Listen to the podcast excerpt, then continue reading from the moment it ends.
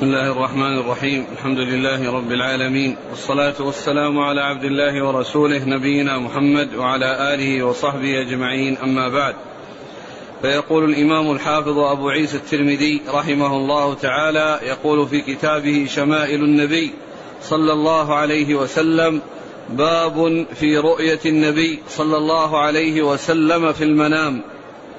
قال حدثنا محمد بن بشار قال حدثنا عبد الرحمن بن مهدي قال حدثنا سفيان عن أبي إسحاق عن أبي الأحوص عن عبد الله بن مسعود رضي الله عنه عن النبي صلى الله عليه وعلى آله وسلم أنه قال من رآني في المنام فقد رآني فإن الشيطان لا يتمثل بي.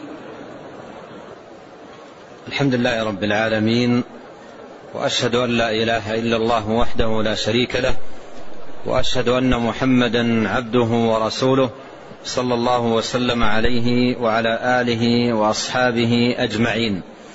أما بعد قال المصنف رحمه الله تعالى في كتابه شمائل النبي قال باب في رؤية النبي صلى الله عليه وسلم في المنام. باب في رؤية النبي صلى الله عليه وسلم في المنام أي رؤية المسلم للنبي صلى الله عليه وسلم في المنام. والرؤية تكون لما يراه, يراه الإنسان بعينه يقظة وتكون لما يراه في المنام. أما الرؤيا فإنها إنما تكون فيما يراه المرء في منامه. ولهذا لما استعمل المصنف رحمه الله تعالى لفظة الرؤية قيده. قال باب في رؤية النبي صلى الله عليه وسلم في المنام. باب في رؤية النبي صلى الله عليه وسلم في المنام. أي أن هذه الرؤية إذا حصلت للعبد فإنها حق. إذا رأى النبي عليه الصلاة والسلام في منامه فقد رآه عليه الصلاة والسلام لأن الشيطان لا يتمثل به صلى الله عليه وسلم. فالله عز وجل عصمه وحماه من الشيطان في حياته عليه الصلاة والسلام وأيضا حماه صلى الله عليه وسلم من أن يتمثل الشيطان به. فلا يمكن أن يأتي الشيطان للإنسان في المنام برؤية بصورة النبي عليه الصلاة والسلام ومثاله وصفته صلوات الله وسلامه عليه. وقد قال عليه الصلاة والسلام كما سيأتي في الحديث أو الأحاديث التي ساقها المصنف فإن الشيطان لا يتمثل بي. وهذه الترجمة جعلها المصنف رحمه الله تعالى خاتمة لكتابه شمائل النبي صلى الله عليه وسلم. لأن ثمة ارتباط بين الرؤية والشمائل. ثم ارتباط بين الرؤية والشمائل. من جهة أن من لم يعرف صفة النبي حقيقة وشمائله صلوات الله وسلامه عليه كيف له أن يجزم بأن من رآه في المنام هو النبي عليه الصلاة والسلام لا غيره؟ كيف له أن يجزم أن من رآه في المنام هو النبي عليه الصلاة والسلام لا غيره؟ والنبي صلى الله عليه وسلم إنما قال في الحديث فإن الشيطان لا يتمثل بي. لكن قد يأتي الشيطان إلى الإنسان في المنام بصورة أخرى لا يستطيع أن يتمثل بصورة النبي عليه الصلاة والسلام لكن قد يأتي بصورة أخرى ويزعم أنه النبي فيغتر من يراه وهو من, وهو من أهل الجهل بشمائله عليه الصلاة والسلام ويظن أنه رأى النبي عليه الصلاة والسلام في المنام وهو لم يره. ولهذا سيأتي فيما ساقه المصنف رحمه الله أن الصحابة رضي الله عنهم عندما يقول لهم قائل رأيت النبي عليه الصلاة والسلام يقولون صف لنا من رأيت صف لنا من رأيت. فإذا كانت الصفة التي ذكرها لمن رأى مطابقة لما يعلمونه من صفة النبي عليه الصلاة والسلام أقروه على ما رأى.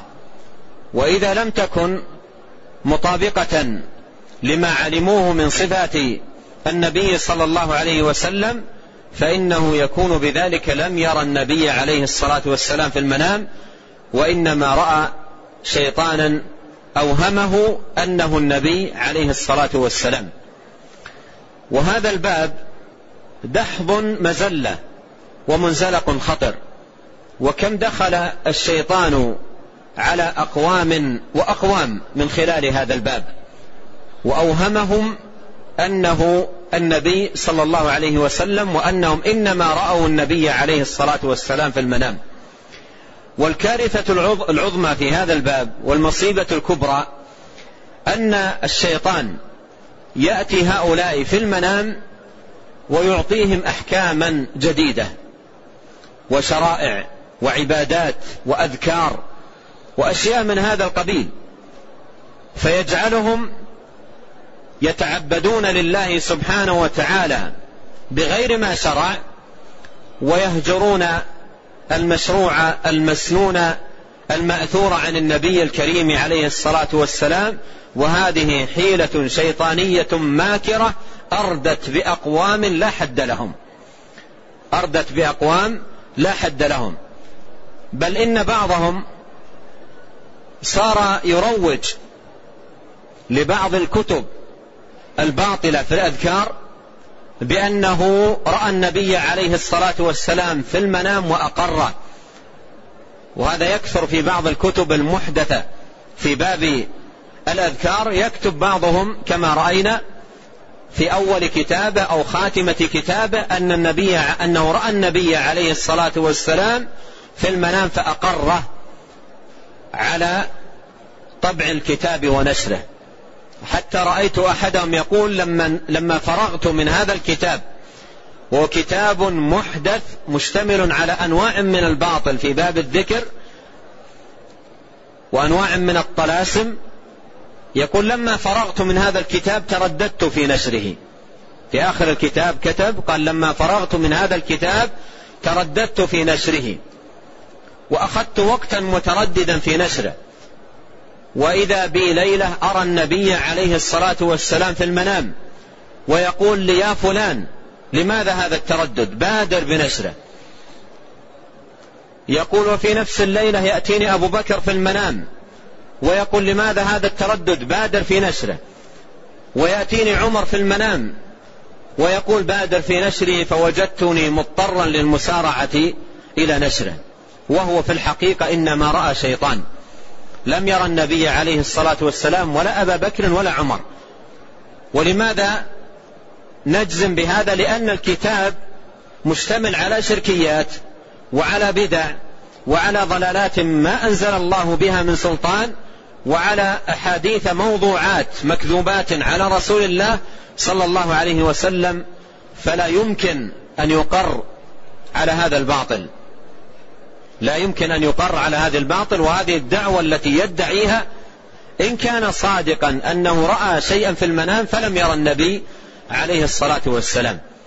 ولا كل من يقول إنه رأى النبي عليه الصلاة والسلام في المنام يقبل قوله وتقبل دعواه. والصحابة رضي الله عنهم ما كانوا يقبلون قول من يقول ذلك. حتى يسألون صف لنا من رأيت. صف لنا من رأيت. فإذا كان فعلا رأى النبي عليه الصلاة والسلام بالصفة المعروفة المعهودة التي عرفها الصحابة عنه ونقلوها ومر معنا في الباب الأول عند المصنف صفة النبي عليه الصلاة والسلام الخلق الخلقية صفة وجهه صفة بشرته صفة شعره صفة هيئته ملابسه إلى آخره. كل ذلك ذكره الصحابة بدقة. وبهذا نعلم أن ختم المصنف رحمه الله تعالى لكتابه الشمائل بهذا الباب باب رؤية النبي صلى الله عليه وسلم في المنام أراد منه أن يقرر الارتباط بين معرفة الشمائل والتحقق من الرؤية. بين معرفة الشمائل والتحقق من الرؤية. فمن لم يكن على معرفة بشمائله وصفاته عليه الصلاة والسلام فلا يمكن أن يتحقق أن الذي رآه في المنام هو النبي عليه الصلاة والسلام. وهذا يؤكد أهمية العلم الشرعي وأهمية دراسة مناقب النبي عليه الصلاة والسلام وصفاته وشمائله حتى لا يغتر مغتر وحتى لا يزيغ العقل. بمكر الشيطان وحيله وتلبيسه. وإذا قرأ المسلم هذا الكتاب المبارك كتاب الشمائل للإمام الترمذي رحمه الله أو غيره من الكتب المعتمدة التي ألفها أهل العلم يكون على بصيرة. يكون على بصيرة في هذا الباب وعلى نور وضياء. وإلا كثير من العوام اغتروا في رؤى رأوها في مناماتهم وتوهموا أنهم فعلا رأوا النبي عليه الصلاة والسلام في المنام. ومن أغرب ما مر علي في هذا الباب رجل جاء إلى أحد مشايخنا قديما وقال له إنني رأيت النبي عليه الصلاة والسلام في المنام. إنني رأيت النبي عليه الصلاة والسلام في المنام. حدثه في هذا المسجد. قال إنني رأيت النبي صلى الله عليه وسلم في المنام. قال لي صف لي من رأيت. قال له صف لي من رأيت. قال رأيت شخصا عليه بدلة وكرفتة عليه بدلة وكرفتة. قالوا إيش كمان رأيت؟ قالوا حالق لحيته كمان. قالوا حالق لحيته أيضا. ثم يأتي متوهما أنه رأى النبي عليه الصلاة والسلام. هذا الحقيقة لم يرى النبي عليه الصلاة والسلام وإنما رأى, وإنما رأى شيطان متفرنج. وإنما رأى شيطان متفرنج. هذا الذي رأى في المنام. لم يرى النبي عليه الصلاة والسلام. وهكذا يتضرر الجهال بجهلهم وقلة علمهم وعدم بصيرتهم بدين الله فيتورطون في منامات يرونها. رأيت أبا بكر رأيت عمر رأيت علي بن أبي طالب. قال لي كذا وقال لي كذا. وتحت هذه الرؤى المزعومة المتوهمة تنتشر البدع والضلالات التي ما أنزل الله بها من سلطان. ومن هنا ندرك الحصافة لهذا الإمام رحمه الله بختمه لهذا الكتاب كتاب شمائل النبي عليه الصلاة والسلام برؤية النبي صلى الله عليه وسلم في المنام. أي أن هذه الرؤية فرع عن المعرفة بالمناقب والصفات والشمائل للنبي الكريم صلوات الله وسلامه عليه. أورد رحمه الله تعالى تحت هذه الترجمة جملة من الأحاديث بدأها بحديث عبد الله بن مسعود رضي الله عنه. عن النبي صلى الله عليه وسلم قال من رآني في المنام فقد رآني. من رآني في المنام فقد رآني. يعني فقد رآني حقا وصدقا. من رآني في المنام فقد رآني. قال لأن الشيطان لا يتمثل بي. لكن هنا يحتاج أن نكون على بصيرة من قوله من رآني في المنام. أي بصفته عليه الصلاة والسلام المعهودة المعروفة. أما بصفة أخرى فقد يأتي الشيطان بصفة أخرى للإنسان ويقول أنا الرسول عليه الصلاة والسلام لكن لا يمكن للشيطان أبدا أن يأتي لشخص في المنام بصفة نبينا صلوات الله وسلامه عليه. قال فإن الشيطان لا يتمثل به وليس, قول وليس معنى قوله عليه الصلاة والسلام من رآني في المنام فقد رآني يعني فقد رآني بجسدي فقد رآني ب أو فقد رأى جسدي الذي في القبر. ليس هذا هو المعنى. ولا أيضا المراد بأنه رأى روح النبي عليه الصلاة والسلام التي في الجنة حالة في ذاته صلوات الله وسلامه عليه. ليس هذا المراد. قال من رآني في المنام فقد رآني. ومن المعلوم أن ما يرى في المنام عندما يقول القائل رأيت والدي في المنام. أو رأيت والدتي سواء حية أو ميتة. أو رأيت أخي في المنام. أو رأيت صديقي في المنام. أو يقول لصديقه البارحة رأيتك في المنام. من المعروف أن القائل إذا قال هذه الكلمة لا يكون رأى شخصه جسده. لا يكون رأى جسده. قد يكون صديقه في بلد آخر بعيد عنه فيراه في المنام. فالذي يراه في المنام ليس جسد. الإنسان نفسه ولا أيضا روحه المتمثلة أو الحالة في جسده وإنما يرى أمثالا أمثالا للأشخاص الذين يراهم في منامه. قال من رآني في المنام فقد رآني فإن الشيطان لا يتمثل بي. فإن الشيطان لا يتمثل بي. الشيطان ممكن يتمثل بصور أخرى ويأتي للإنسان في منامه ويقول له إنني النبي. أو يقول إنني أبا بكر أو عمر أو نحو ذلك. ممكن هذا. ولكن لا يمكن أن يتمثل بصورة النبي عليه الصلاة والسلام وصفته الحقيقية المعلومة. نعم. قال حدثنا محمد بن بشار ومحمد بن المثنى. قال حدثنا محمد بن جعفر قال حدثنا شعبة عن أبي حصين عن أبي صالح عن أبي هريرة رضي الله عنه أنه قال قال رسول الله صلى الله عليه وسلم من رآني في المنام فقد رآني فإن الشيطان لا يتصور أو قال لا يتشبه بي. ثم أورد المصنف رحمه الله تعالى هذا الحديث عن أبي هريرة رضي الله عنه وهو بمعنى حديث عبد الله بن مسعود قال من رآني في المنام فقد رآني. فإن الشيطان لا يتصور أو قال لا يتشبه بي. وهذا بمعنى ما جاء في حديث ابن مسعود لا يتمثل بي. فإن الشيطان لا يتمثل بي. يعني لا يأتي على مثالي ولا يتصور بي لا يأتي على صورتي ولا يتشبه بي لا يأتي على شبهي ومثالي. هذا لا يمكن.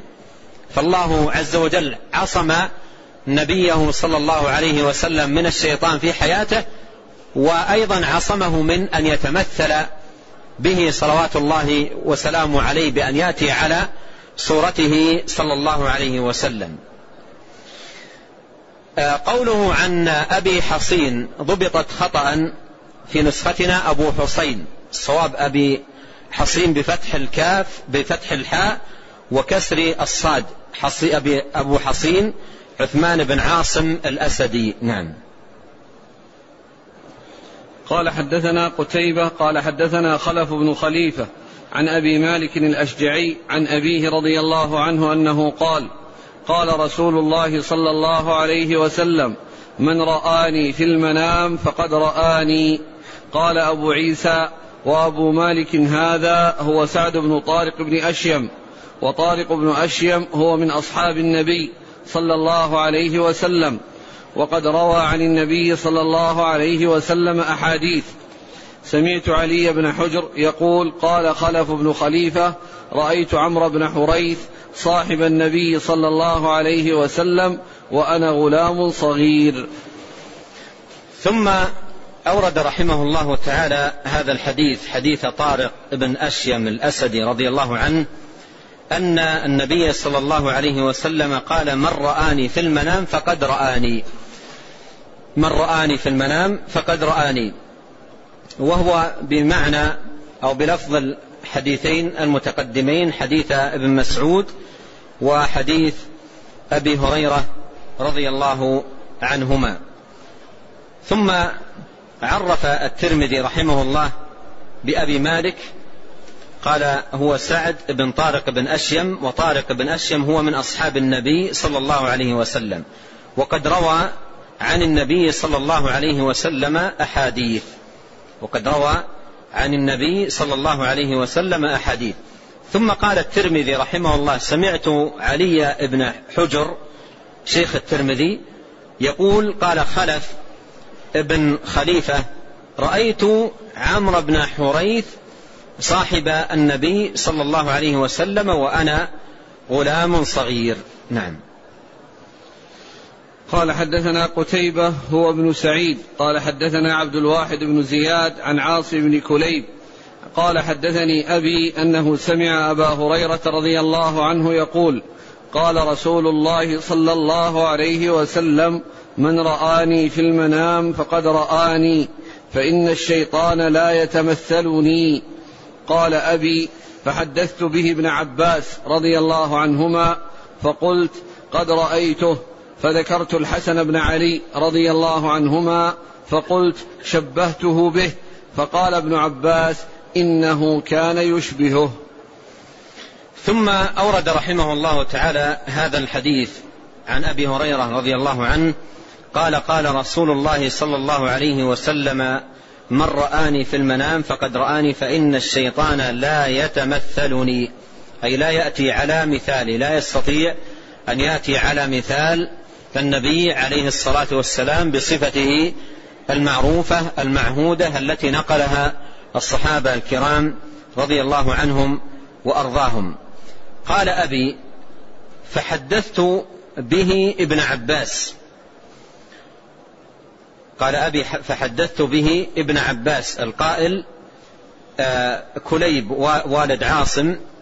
قال أبي فحدثت به ابن عباس رضي الله عنهما فقلت قد رأيته.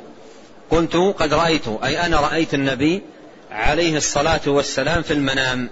فذكرت الحسن بن علي يعني لما رأيت في المنام ذكرتني صفته بصفة الحسن بن علي أي أنها صفة آه، مشابهة أو مقاربة لصفة الحسن بن علي صبت النبي عليه الصلاة والسلام ابن بنته فاطمة. يقول فذكرت الحسن بن علي فقلت آه، فقلت شبهته به. فقال ابن عباس إنه كان يشبهه. فقال ابن عباس إنه كان يشبهه. وهذا شاهد لما سبق تقريره عناية الصحابة رضي الله عنهم بهذه المسألة التحقق من ممن ادعى رؤية النبي عليه الصلاة والسلام هل رآه بصفته المعروفة أو بغير صفته. إن كان بالصفة المعروفة فقد رآه فإن الشيطان لا يتمثل به. وإن كان بصفة أخرى فلا يكون بذلك قد رأى النبي عليه الصلاة والسلام. وإن قال له الذي رآه في المنام إنه النبي صلى الله عليه وسلم. نعم. قال حدثنا محمد بن بشار قال حدثنا ابن أبي عدي ومحمد بن جعفر قال حدثنا عوف بن أبي جميلة عن يزيد الفارسي وكان يكتب المصاحف قال رأيت النبي صلى الله عليه وسلم في المنام زمن ابن عباس قال فقلت لابن عباس رضي الله عنهما إني رأيت رسول الله صلى الله عليه وسلم في النوم فقال ابن عباس إن رسول الله كان يقول إن الشيطان لا يستطيع أن يتشبه بي فمن رآني في النوم فقد رآني. فهل تستطيع أن تنعت هذا الرجل الذي رأيته في النوم؟ قال نعم أنعت لك رجلا بين الرجلين جسمه ولحمه أسمر إلى البياض أكحل العينين حسن الضحك جميل دوائر الوجه ملأت لحيته ما بين هذه إلى هذه. قد بلأت نحره. قال عوف ولا أدري ما كان مع هذا النعت. فقال ابن عباس لو رأيته في اليقظة ما استطعت أن تنعته فوق هذا. قال أبو عيسى رحمه الله ويزيد الفارسي هو يزيد بن هرمز وهو أقدم من يزيد الرقاشي. وروى يزيد الفارسي عن ابن عباس أحاديث ويزيد الرقاشي لم يدرك ابن عباس. وهو يزيد بن أبان الرقاشي وهو يروي عن أنس بن مالك ويزيد الفارسي ويزيد الرقاشي كلاهما من أهل البصرة وعوف بن أبي جميلة هو عوف الأعرابي. ثم أورد المصنف رحمه الله تعالى هذا الحديث يرويه آه، يزيد الفارسي وكان يكتب المصاحف قال رأيت النبي صلى الله عليه وسلم في المنام زمن ابن عباس رضي الله عنهما. قال فقلت لابن عباس إني رأيت رسول الله صلى الله عليه وسلم في النوم. إني رأيت رسول الله صلى الله عليه وسلم في النوم. فقال ابن عباس إن رسول الله صلى الله عليه وسلم كان يقول إن الشيطان لا يستطيع أن يتشبه بي فمن رآني في النوم فقد رآني. فهل تستطيع أن تنعت هذا الرجل الذي رأيته في النوم؟ تأمل فقه ابن عباس رضي الله عنهما المستمد من هذا الحديث. ولهذا قدم بذكره رضي الله عنه وأرضاه. لأن النبي صلى الله عليه وسلم قال فإن الشيطان لا يستطيع أن يتمثل بي. ولهذا قال صف لي الرجل الذي الذي رأيت. وما مراده رضي الله عنه بطلب هذا الوصف. إن كان مطابقا لما يعرفه من وصف النبي عليه الصلاة والسلام يكون رآه لأن الشيطان لا يتمثل به. وإن كان رأى رجلا بصفة أخرى لا يكون رأى النبي صلى الله عليه وسلم. ولهذا قال له ابن عباس رضي الله عنهما هل تستطيع أن تنعت هذا الرجل الذي رأيته في النوم؟ تنعت أي تصف؟ تذكر لي صفته. هل تستطيع؟ قال نعم. أنعت لك رجلا بين الرجلين. يعني متوسط. قد مر معنا في وصف النبي صلى الله عليه وسلم أنه ربعة. ليس بالطويل البائن ولا بالقصير.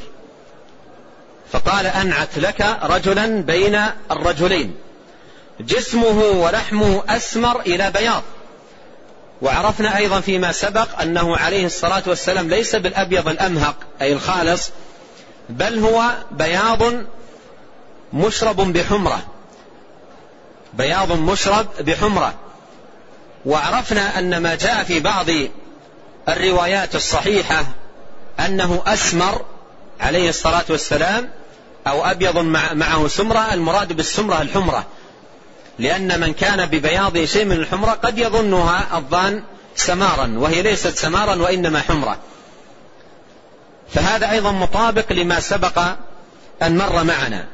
قال أكحل العينين. أكحل العينين. أي أن آه، جفونه فيها شيء من السمار كأنه وضع كحلا ولم يكتحل. هذا معنى أكحل العينين وهذا أيضا مر معنا في وصف الصحابة للنبي عليه الصلاة والسلام حسن الضحك وهذا أيضا مر معنا في غير حديث مما ذكر في صفته عليه الصلاة والسلام وكذلك قوله جميل دوائر الوجه جميل دوائر الوجه أيضا مر معنا ما يشهد لذلك ويدل عليه في صفته صلوات الله وسلامه عليه. قال ملأت لحيته ما بين هذه إلى هذا يعني يشير أذنه اليمنى إلى أذنه اليسرى. أذنه اليمنى إلى أذنه اليسرى. ملأ ما بين هذه إلى هذا أي أنه عليه الصلاة والسلام كان كث اللحية ومر معنا في ذكر لحيته صلوات الله وسلامه عليه. قال ملأت لحيته ما بين هذه إلى هذا. ومن ذكرت لكم قصته رأى شخصا حليق اللحية. رأى شخصا حليق اللحية. وهذا الذي رأى النبي عليه الصلاة والسلام قال رأيت لحيته ملأت ما بين هذه إلى هذا. وذاك الذي رأى شخصا حليق اللحية لم يرى النبي عليه الصلاة والسلام. وإنما رأى شيطانا من الشياطين أراد أن يلبس عليه دينه. وأن يوقعه في شيء من الضلال والباطل. قال قد ملأت نحره. قد ملأت نحره أي من كثافتها كثافة لحيته صلوات الله وسلامه عليه. وكانت لحيته كثة. والصحابة رضي الله عنهم قالوا كنا نعرف قراءته في الصلاة السرية باهتزاز لحيته. باهتزاز لحيته وهم صفوف خلفه. وهذا إنما يكون إذا كانت اللحية كثة يقول قد ملأت نحره قال عوف أي الراوي عن يزيد عوف بن أبي جميلة ولا أدري ما كان مع هذا النعت يعني آه، من صفات أخرى ذكرها ربما أنه لم يحفظ إلا هذا. فقال ابن عباس لو رأيته في اليقظة لو رأيته في اليقظة ما استطعت أن تنعته فوق هذا.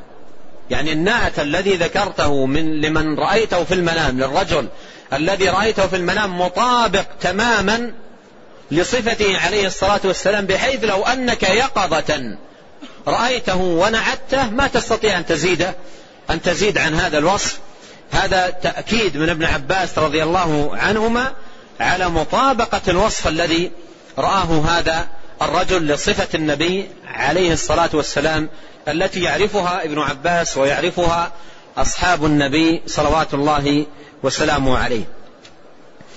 نظير هذا ما رواه إسماعيل القاضي عن أيوب السختياني قال كان ابن سيرين رحمه الله محمد بن سيرين إذا قص عليه رجل إذا قص عليه رجل أنه رأى النبي صلى الله عليه وسلم قال صفه لي قال صفه لي. مثل ما قال ابن عباس رضي الله عنه هل تستطيع أن تنعت هذا الرجل؟ فيقول صفه لي. قال فذكرت الحسن بن علي فشبهته به. فذكرت الحسن بن علي فشبهته به. قال قد رأيته. قال قد رأيته. لماذا قال قد رأيته؟ لما كانت الصفة مطابقة. لأن النبي عليه الصلاة والسلام قال فإن الشيطان لا يتمثل بي. وفي رواية تقدمت لا يتصور بي. وأيضا في رواية لا يتشبه بي. يعني لا يستطيع أن يأتي على مثال النبي عليه الصلاة والسلام وصفته. قال أبو عيسى رحمه الله ويزيد الفارسي صاحب هذه الرؤيا التي عرضها على ابن عباس قال هو يزيد بن هرمز. وهو أقدم من يزيد الرقاشي وأخذ يذكر الفرق بينهما. لكن كما نبه أهل العلم آه، قوله ويزيد الفارسي هو يزيد بن هرمز هذا لعله والله أعلم وهم من المصنف رحمه الله تعالى. جاء في الجرح والتعديل ابن أبي حاتم قال سمعت أبي يقول يزيد, يزيد بن هرمز هذا ليس بيزيد الفارسي. هو سواه يعني شخص آخر. ثم قال عن الفارسي لا بأس به. ثم قال عن الفارسي لا بأس به. وأيضا الحافظ ابن حجر فرق بينهما وذكر في آخر ترجمة ابن هرمز قال قيل إنه يزيد, بن يزيد الفارسي. قيل إنه يزيد الفارسي والصحيح أنه غيره والصحيح أنه غيره. نعم.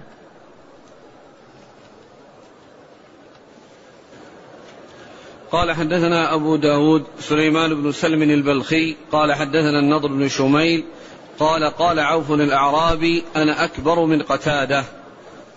ثم أورد المصنف رحمه الله هذا التعريف لعوف الأعرابي وهو الذي مر معنا في الرواية المتقدمة يروي عن أبي جميلة عوف يروي عن يزيد الفارسي عوف بن أبي جميلة فذكر آه، الإمام الترمذي رحمه الله هذا هذه الرواية عن عن النضر بن شميل قال قال عوف الأعرابي أنا أكبر من قتادة.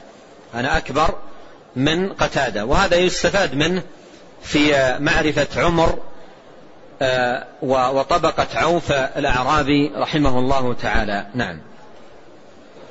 قال حدثنا عبد الله بن أبي زياد قال حدثنا يعقوب بن إبراهيم بن سعد قال حدثنا ابن أخي ابن أبي ش...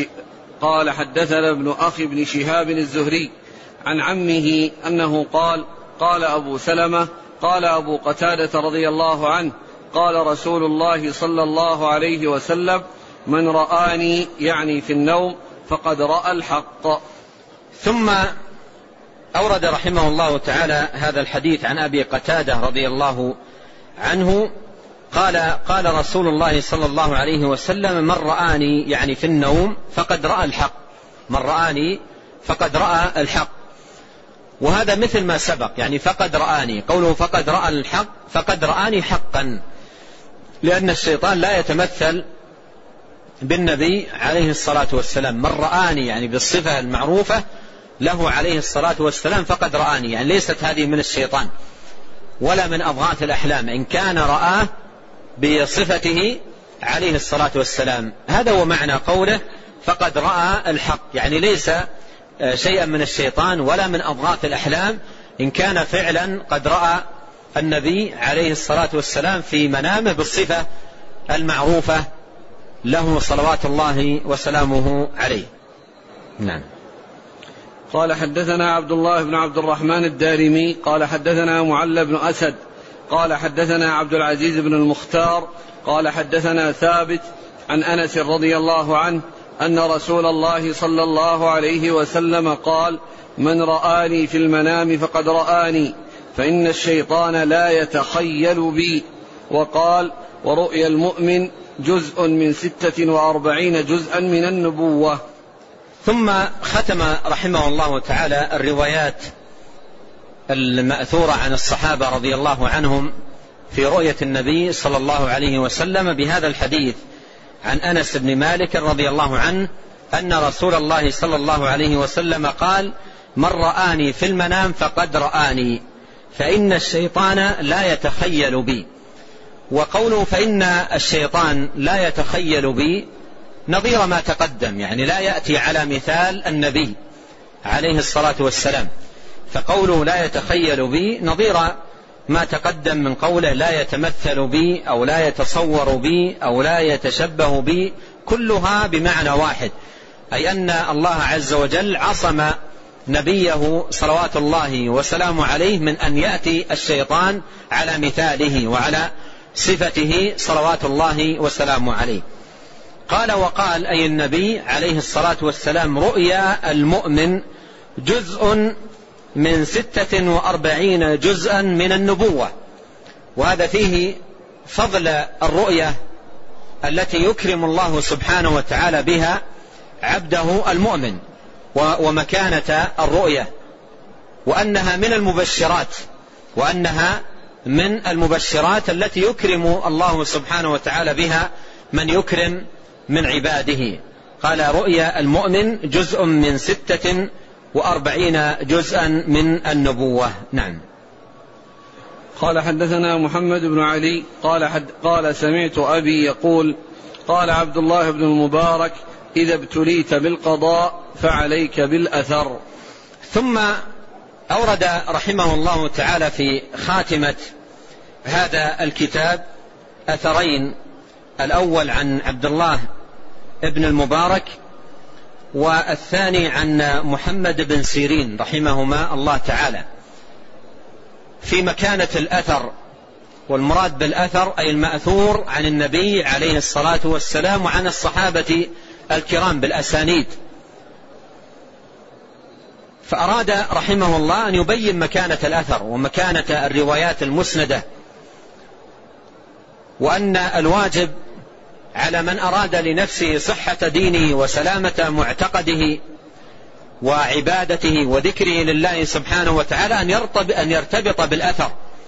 فدين النبي صلى الله عليه وسلم آثار تروى بالأسانيد في دواوين السنة والمصنفات المعتمدة المعروفة. والمصنف رحمه الله ختم بهذين الأثرين لينبه أن المسلم في دراسته للشمائل أو دراسته لأمور الدين الأخرى مثل سيرة النبي عليه الصلاة والسلام أو عباداته ومعاملاته إلى آخر ذلك عليه أن يعتني بالأثر. عليه أن يعتني بالأثر. قال عبد الله بن المبارك إذا ابتليت بالقضاء يعني وليت القضاء فعليك بالأثر. والمراد بالأثر هنا أي الأحاديث المرفوعة وأيضا الآثار الموقوفة على الصحابة.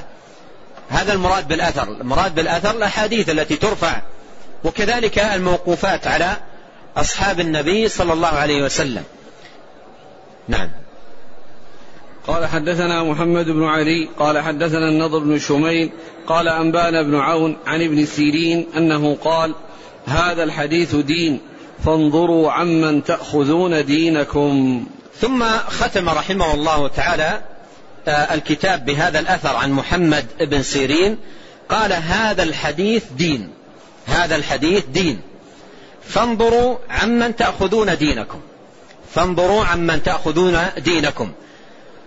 فهذا الحديث الذي يرفع وينسب ويضاف إلى النبي عليه الصلاة والسلام دين. فانظروا عمن تأخذون دينكم. يعني ليس, ليس كل ما يقال قال صلى الله عليه وسلم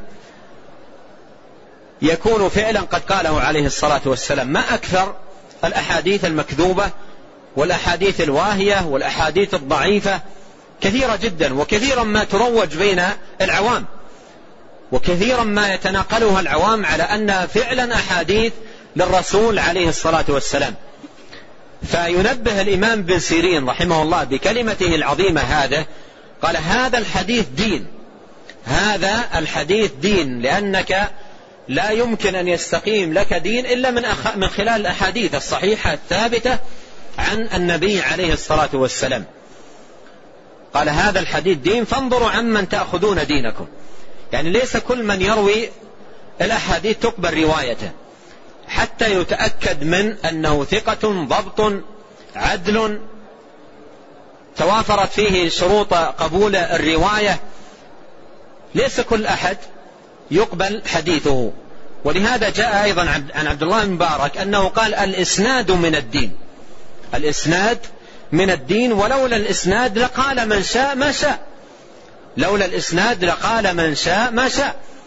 لكن لما وجدت الأسانيد قيض الله سبحانه وتعالى الأئمة الجهابذة والعلماء الأعلام ينقدون الروايات ويميزون بين صحيحها وضعيفها. ولهذا كتبت كتب خاصة في الأحاديث الصحيحة وكتب خاصة في الأحاديث الضعيفة وكتب خاصة في الأحاديث المكذوبة. مجلدات فيها أحاديث كلها كذب على النبي صلى الله عليه وسلم. لا يحل روايتها ولا تناقلها. إلا على وجه التحذير منها وبيان بطلانها وكذبها. فهذا الحديث دين فانظروا عمن تأخذون دينكم. وهذه نصيحة ذهبية ختم بها الإمام الترمذي رحمه الله تعالى كتابه حتى يكون المسلم معتدلا في هذا الباب.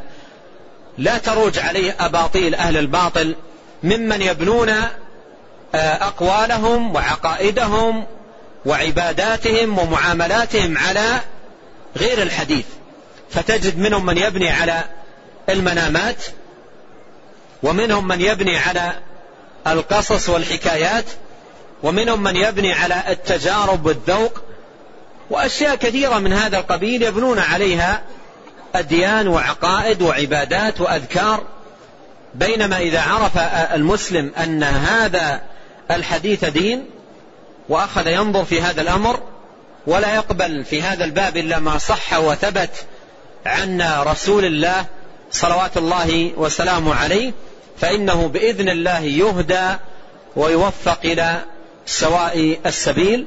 ونحمد الله عز وجل على منه وتوفيقه وتيسيره له الحمد اولا واخرا وله الشكر ظاهرا وباطنا ونسأله جل وعلا أن ينفعنا جميعا بما علمنا وأن يجعل ما تعلمناه حجة لنا لا علينا وأن يغفر لنا ولوالدينا وللإمام الترمذي ولمشايخنا ولعلماء آه، المسلمين وللمسلمين والمسلمات والمؤمنين والمؤمنات الأحياء منهم والأموات إنه تبارك وتعالى غفور رحيم جواد كريم. وآخر دعوانا أن الحمد لله رب العالمين وصلى الله وسلم وبارك وأنعم على عبده ورسوله نبينا محمد وآله وصحبه أجمعين. جزاكم الله خيرا وبارك الله فيكم ألهمكم الله الصواب ووفقكم للحق ونفعنا الله ما سمعنا وغفر الله لنا ولكم وللمسلمين أجمعين. تنبهون على كتاب غدا بإذن الله تبارك وتعالى نكمل كتاب القواعد الحسان المتعلقة بتفسير القرآن للشيخ عبد الرحمن بن ناصر السعدي رحمه الله. بدأنا فيه في شهر رمضان الماضي ووصلنا إلى ما يقارب نصف الكتاب وبقي جزء كبير من الكتاب نواصل في إكماله اعتبارا من الغد إن شاء الله. كتاب القواعد الحسان المتعلقة بتفسير القرآن. كتاب القواعد الحسان المتعلقة بتفسير القرآن للشيخ عبد الرحمن بن ناصر السعدي رحمه الله تعالى.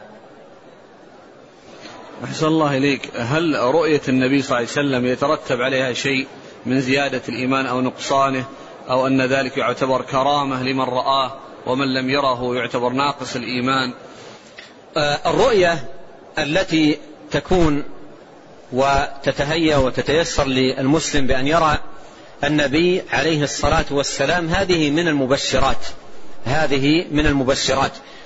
وقد قال أهل العلم قديما الرؤيا الصالحة تسر المؤمن ولا تغره. المؤمن يسر بها لكن لا يغتر لا يغتر لأنه إذا اغتر ربما أصيب بالعجب وربما انقطع عن العمل وربما وربما أشياء كثيرة تحصل للإنسان إذا دخله الغرور. فالمسلم تسره الرؤيا ولا تغره. تسره آه، الرؤيا ولا تغره. وليس أيضا كما قال أهل العلم من شرط الاستقامة حصول الكرامة سواء برؤيا أو غيرها ليس من شرط الاستقامة ذلك. فقد يكون الإنسان مستقيما على طاعة الله مداوما على عبادة الله محافظا على الطاعة ويبقى إلى أن يموت لا يرى النبي عليه الصلاة والسلام ولا يحصل له آه، كرامة من الخوارق التي قد تحصل لبعض الأولياء. فليس من شرط الاستقامة حصول الكرامة. ليس من شرط الاستقامة حصول الكرامة. والكرامة قد تحصل للعبد إما لحجة أو لحاجة. لكنها ليست من شرط الاستقامة أن تحصل الكرامة للعبد. ورؤيا النبي عليه الصلاة والسلام في المنام. هي من المبشرات. وإذا وفق العبد لحسن الاستفادة من هذه الرؤية بإصلاح نفسه والاجتهاد في الطاعة والبعد عن ما حرمه الله سبحانه وتعالى يكون هذا زيادة إيمان وخير حصل له. وإذا اغتر يكون هذا باب نقص نقص إيمان وضعف دين. وباب عجب في النفس. إياك والعجب إن العجب مجترف أعمال صاحبه في سيره العلم. الإنسان إذا أصيب بالعجب أصيب في مقتل. فلا يغتر الإنسان لا يغتر لكنها تكون من المبشرات التي آه، تدفع للخير والمحافظة على الخير والاعتدال في الأمور والبعد عن المحرمات والآثام. وقد قال أهل العلم في الرؤية الصالحة عموما قالوا هي للبشارة وللنذارة.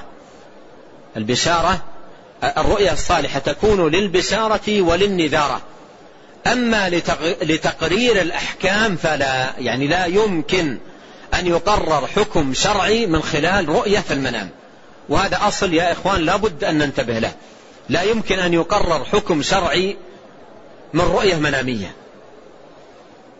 الأحكام الشرعية اكتملت ولم يمت عليه الصلاة والسلام حتى أتم الله به الدين وأكمل به النعمة. وأنزل عليه قوله اليوم أكملت لكم دينكم وأتممت عليكم نعمتي ورضيت لكم الإسلام دينا.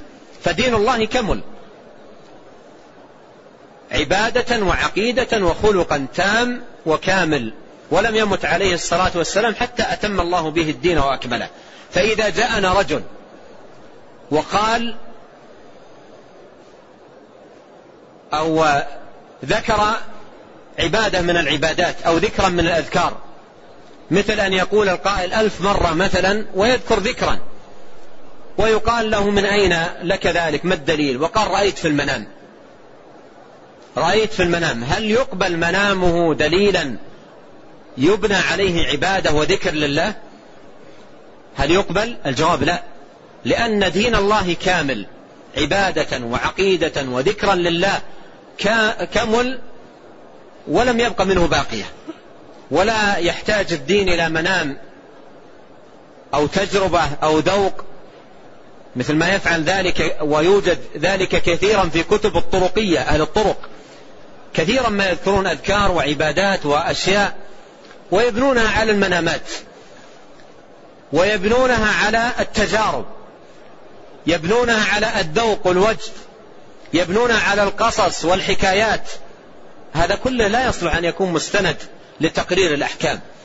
الأحكام الشرعية إنما تبنى على قال الله قال رسوله صلى الله عليه وسلم أما أن يأتي شخص بعبادة أو بذكر أو بشيء من هذه الأمور ويقول رأيت في المنام ما يقبل منه أو يقول جربت أو جرب مشايخنا أو يقول مثلا هذا أجد له ذوقا أو أجد له طعما إلى آخر هذا كله لا يقبل. لا يمكن أن يقبل منه إلا أن يأتي بالشاهد على قوله من كلام الله وكلام رسوله. عليه الصلاة والسلام. نعم. يقول هذا أنه يقول وضعت جسدي مستلقيا على الأرض في المسجد وكان ينتابني حالة من التعب الشديد فغفلت عيناي ففوجئت بأني أرى رسول الله صلى الله عليه وسلم ولكن بدون وصف غير أني أرى نورا وهو سعيد. هل هذا هو النبي صلى الله عليه وسلم؟ الجواب في ذلك ما قاله ابن عباس رضي الله عنهم. هذا الفيصل في هذه المسألة. صف من رأيت. هل تستطيع أن تصف من رأيت؟ هذا هذا هو الفيصل في المسألة التي وضعها الصحابة رضي الله عنهم أخذا من أحاديث النبي عليه الصلاة والسلام الصحيحة الثابتة. قال فإن الشيطان لا يتمثل بي. لا يتمثل بي. فيقال صف من رأيت. فإذا كان رأى النبي عليه الصلاة والسلام بصفته آه التي آه آه تعرف في دواوين السنة وفي الصحاح والأحاديث الثابتة يكون رآه. وإذا لم يره بالصفة التي عرفها لا يكفي حتى لو كان رأى نورا فقط. حتى وإن كان رأى نورا ساطعا لا يكفي. ومما ذكر أهل العلم أن أحد العلماء وعبد القادر الجيلاني رأى في المنام نورا نورا عظيما على عرش وقال يا عبد القادر أنا ربك أحللت لك ما حرمت على عبادي. فقال أعوذ بالله من الشيطان فتبدد ذلك النور. فتبدد ذلك النور ذهب ذلك النور. قال أعوذ بالله من الشيطان. وهذا من فقهه. لما قال أحللت لك ما حرمت على عبادي بما آتاه الله من فقه وعلم وبصيرة يعلم أن الله لا يقول لا يقول هذا الكلام. أحللت لك ما حرمت على عبادي. هل يقول الله جل وعلا لأحد أحللت لك الزنا القتل السرقة؟ الأمور التي حرمها على عباده ما يمكن أن يقول ذلك جل وعلا. فبفقهه أيقن أن هذا كلام شيطان. لكن لو كان الذي حصلت له هذه الرؤية جاهل لو كان الذي حصلت له هذه الرؤية جاهل رأى مثل هذا النور وقال أحللت لك ما حرمت على عبادي يقوم من الصباح الباكر تاركا للصلاة ومباشرا للمحرمات ويتعاطى المحرمات يقول أنا حصلت لي رؤية بتحليل الحرام وهكذا يتورط الجهال. هكذا يتورط الجهال بمثل هذه المنامات التي يخادعهم بها الشيطان ويمكر بهم. يأتي بصفة نور ويضيء المكان يضيء الغرفة التي هو فيها يسطع نورا ويقول أنا ربك أو يقول أنا النبي أو يقول أنا أبو بكر أو أنا عمر أو نحو ذلك فيخدع الجهال بمثل ذلك. فيبقى الفيصل في هذه المسألة ما قرره الصحابة ومن اتبعهم بإحسان. ومر معنا كلام ابن عباس وكلام ابن سيرين وله نظائر في كلام أهل العلم. من رأى النبي عليه الصلاة والسلام في المنام يقال صف من رأيت. صف من رأيت. وصفته ما موجودة ومثبتة في دواوين السنة ومنها هذا الكتاب للإمام الترمذي رحمه الله تعالى. أما أن يأتي الشخص بصفات أخرى ليست صفة النبي عليه الصلاة والسلام الثابتة المعروفة فلا يكون رأى النبي عليه الصلاة والسلام. حتى ولو قال رأيت نور حتى ولو قال رأيت نور هذا وحده لا يكفي. هذا وحده لا يكفي. لا بد من التحقق من الرؤية أن يكون قد رأى النبي عليه الصلاة والسلام بصفته المعروفة الثابتة. نعم. يقول شيخنا بارك الله فيكم عندنا في بلادنا أقوام من جماعة معينة يدعون رؤية النبي صلى الله عليه وسلم يقظة وكذلك رؤية الصحابة والملائكة. هذا كله كذب. هذا كله كذب ولا أساس له من الصحة ولا أساس له من الصحة. وعدد آه، من أهل العلم ومنهم شيخ الإسلام ابن تيمية رحمه الله في كتابه العظيم الفرقان بين أولياء الرحمن وأولياء الشيطان.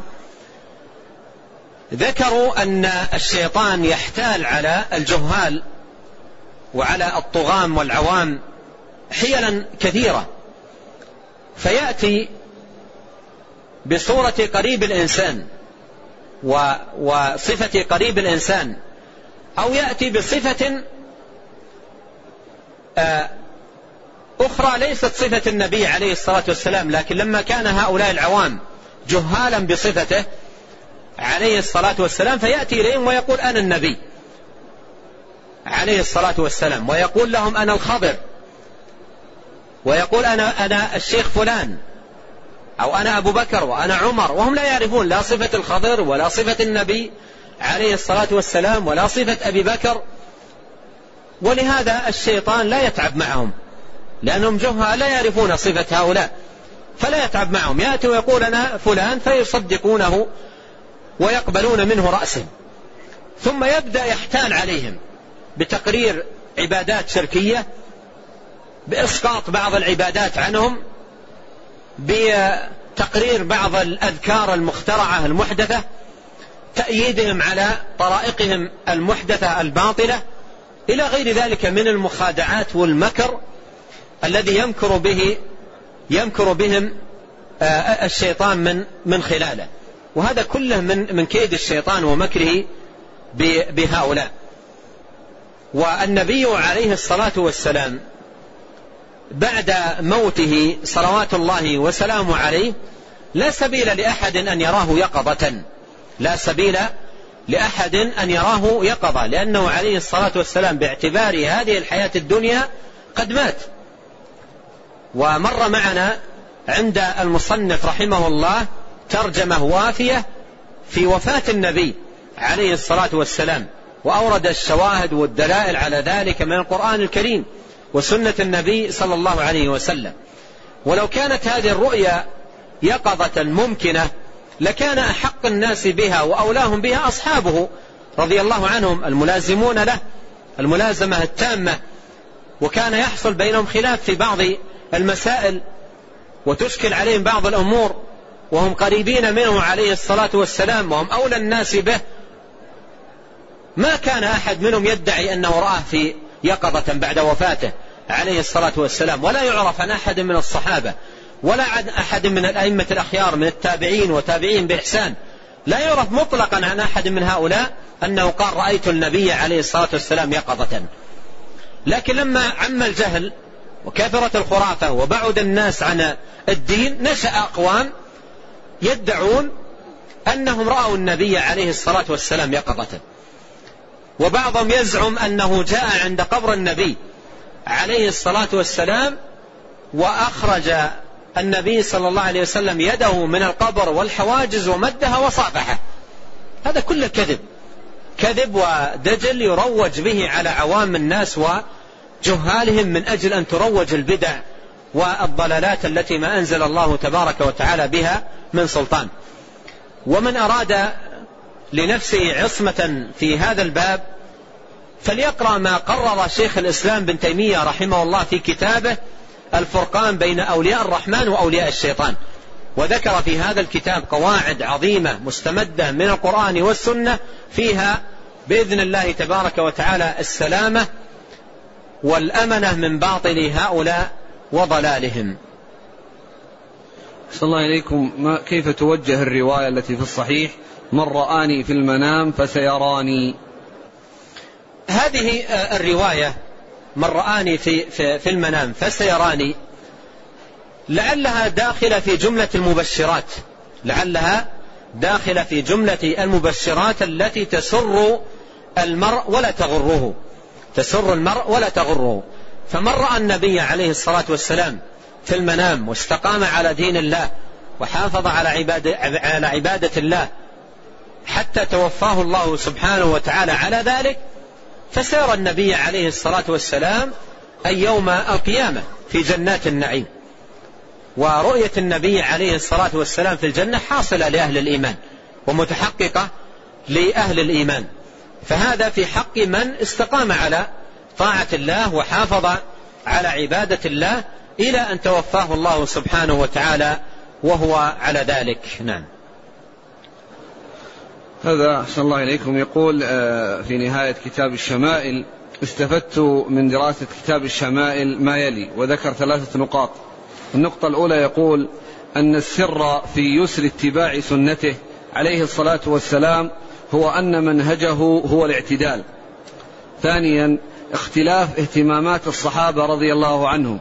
فمنهم من يهتم بقضية مثلا بقضية العبادة فيروي لنا ما اهتم به. والآخر بقضية أخرى.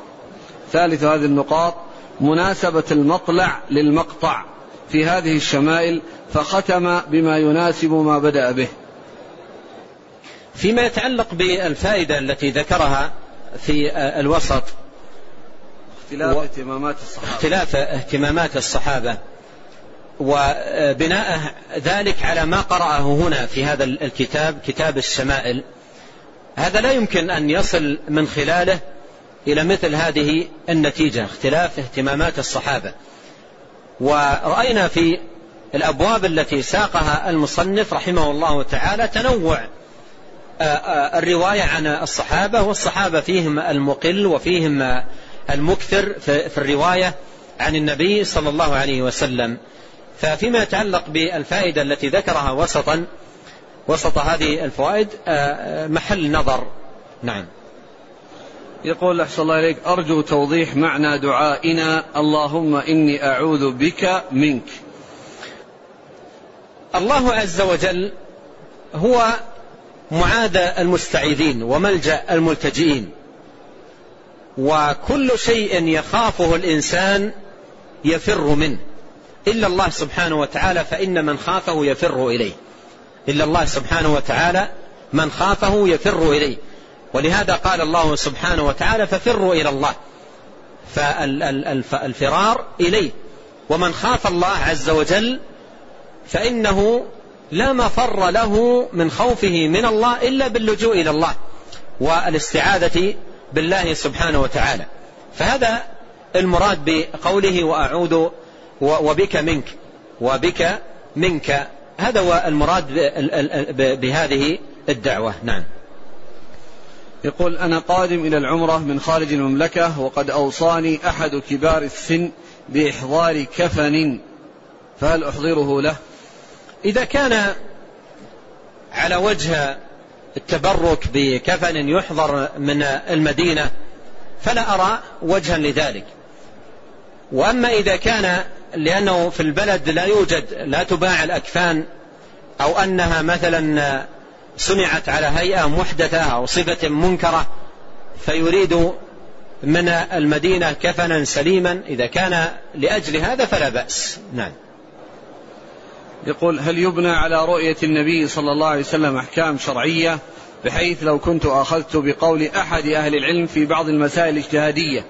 فرأيت النبي صلى الله عليه وسلم وأمرني بأخذ قول غيره من أهل العلم. الرؤيا المنامية لا يبنى عليها أحكام. لا يبنى عليها أحكام وإنما الأحكام الشرعية تبنى على التتبع والنظر في الدلائل دلائل الكتاب والسنة.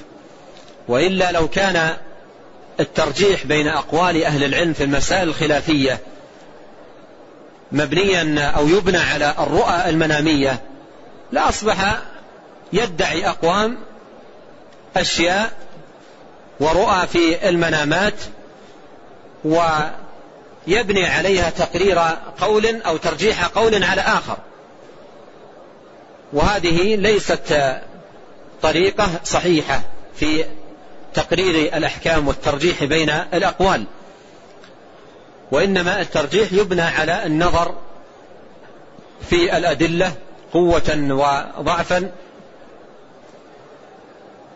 ومن حيث أيضا الإسناد صحة وضعفا والموازنة بينها وفق القواعد التي ذكرها أهل العلم في الترجيح بين الأدلة. وأما الرؤية المنامية لا يبنى عليها هذا ولا يبنى عليها أحكام. وقد قال أهل العلم الرؤية المنامية تكون للبشارة والنذارة وأما تقرير الأحكام فلا. الرؤية المنامية تكون للبشارة والنذارة. أما تقرير الأحكام فلا لا يمكن أن يقرر حكم شرعي برؤية منامية. لا يمكن أن يقرر حكم شرعي برؤية منامية. وأذكر لكم قصة عجيبة. حصلت لشخص لقيته في إحدى الدول يحفظ القرآن حفظا عجيبا. يحفظ القرآن حفظا عجيبا متقن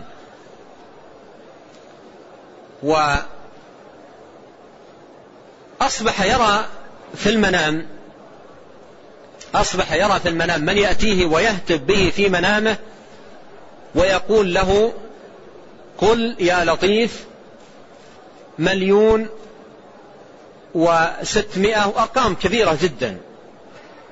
هو هو يحدثني يقول فكنت أقوم من النوم وأكتب الرقم في ورقة والذكر الذي قيل لي في المنام وأظن أن هذا هاتف من الله أن هذا هاتف من الله عز وجل خصني به. يقول وأبدأ من الصباح ومعي سبحة بألف خرزة وأبدأ أعد هذا العدد. يا لطيف يا لطيف. يقول أعدها. يقول إذا انتهيت من هذا العدد أخذ لي أحيانا ثلاث أيام أربع أيام.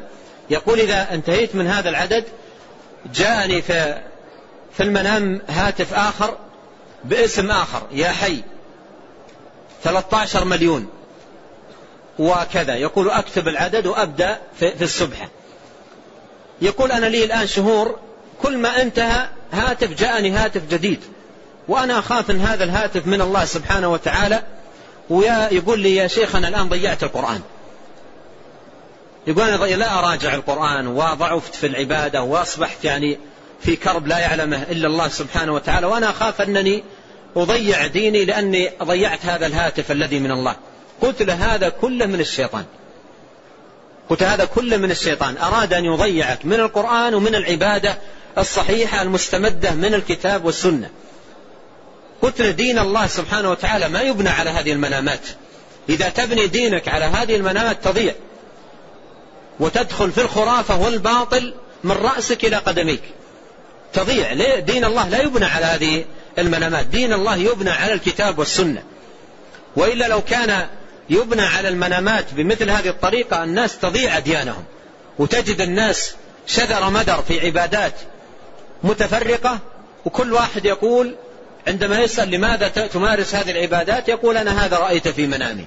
ويصبح الدين الدين ضائع بناء على مثل هذه الدعاوى. فقلت هذا كله باطل. وأنا أنصحك أن تتوب إلى الله عز وجل من هذه العبادة التي مضيت عليها من من شهور. هذه عبادة باطلة. قلت له النبي صلى الله عليه وسلم يقول من عمل عملا ليس عليه أمرنا فهو رد. من عمل عملا ليس عليه أمرنا فهو رد. هذا عمل هل عندك دليل من الكتاب والسنة على أنه من أمر النبي صلى الله عليه وسلم؟ الجواب لا. فقلت هذا كله باطل ما يجوز أن فالحمد لله يعني الرجل وفقه الله عز وجل ومن يومه ترك ذلك وقال لي أرحتني أراحك الله. والله إنني في هم من شهور ما يعلم به إلا رب العالمين. لكنك الآن يعني ألقيت عن عاتقي هما عظيما وأرحتني من, من هذا. وكثير يعني. شوف الآن رجل يحفظ القرآن حفظ متقن ودخل عليه الشيطان من هذا المدخل وجعل يترك القرآن شهور.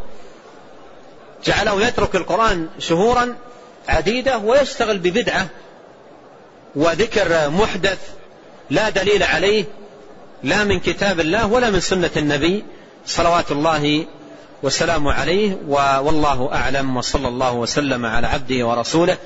نبينا محمد وآله وصحبه أجمعين. جزاكم الله خيرا. سبحانك اللهم وبحمدك أشهد أن لا إله إلا أنت أستغفرك وأتوب إليك.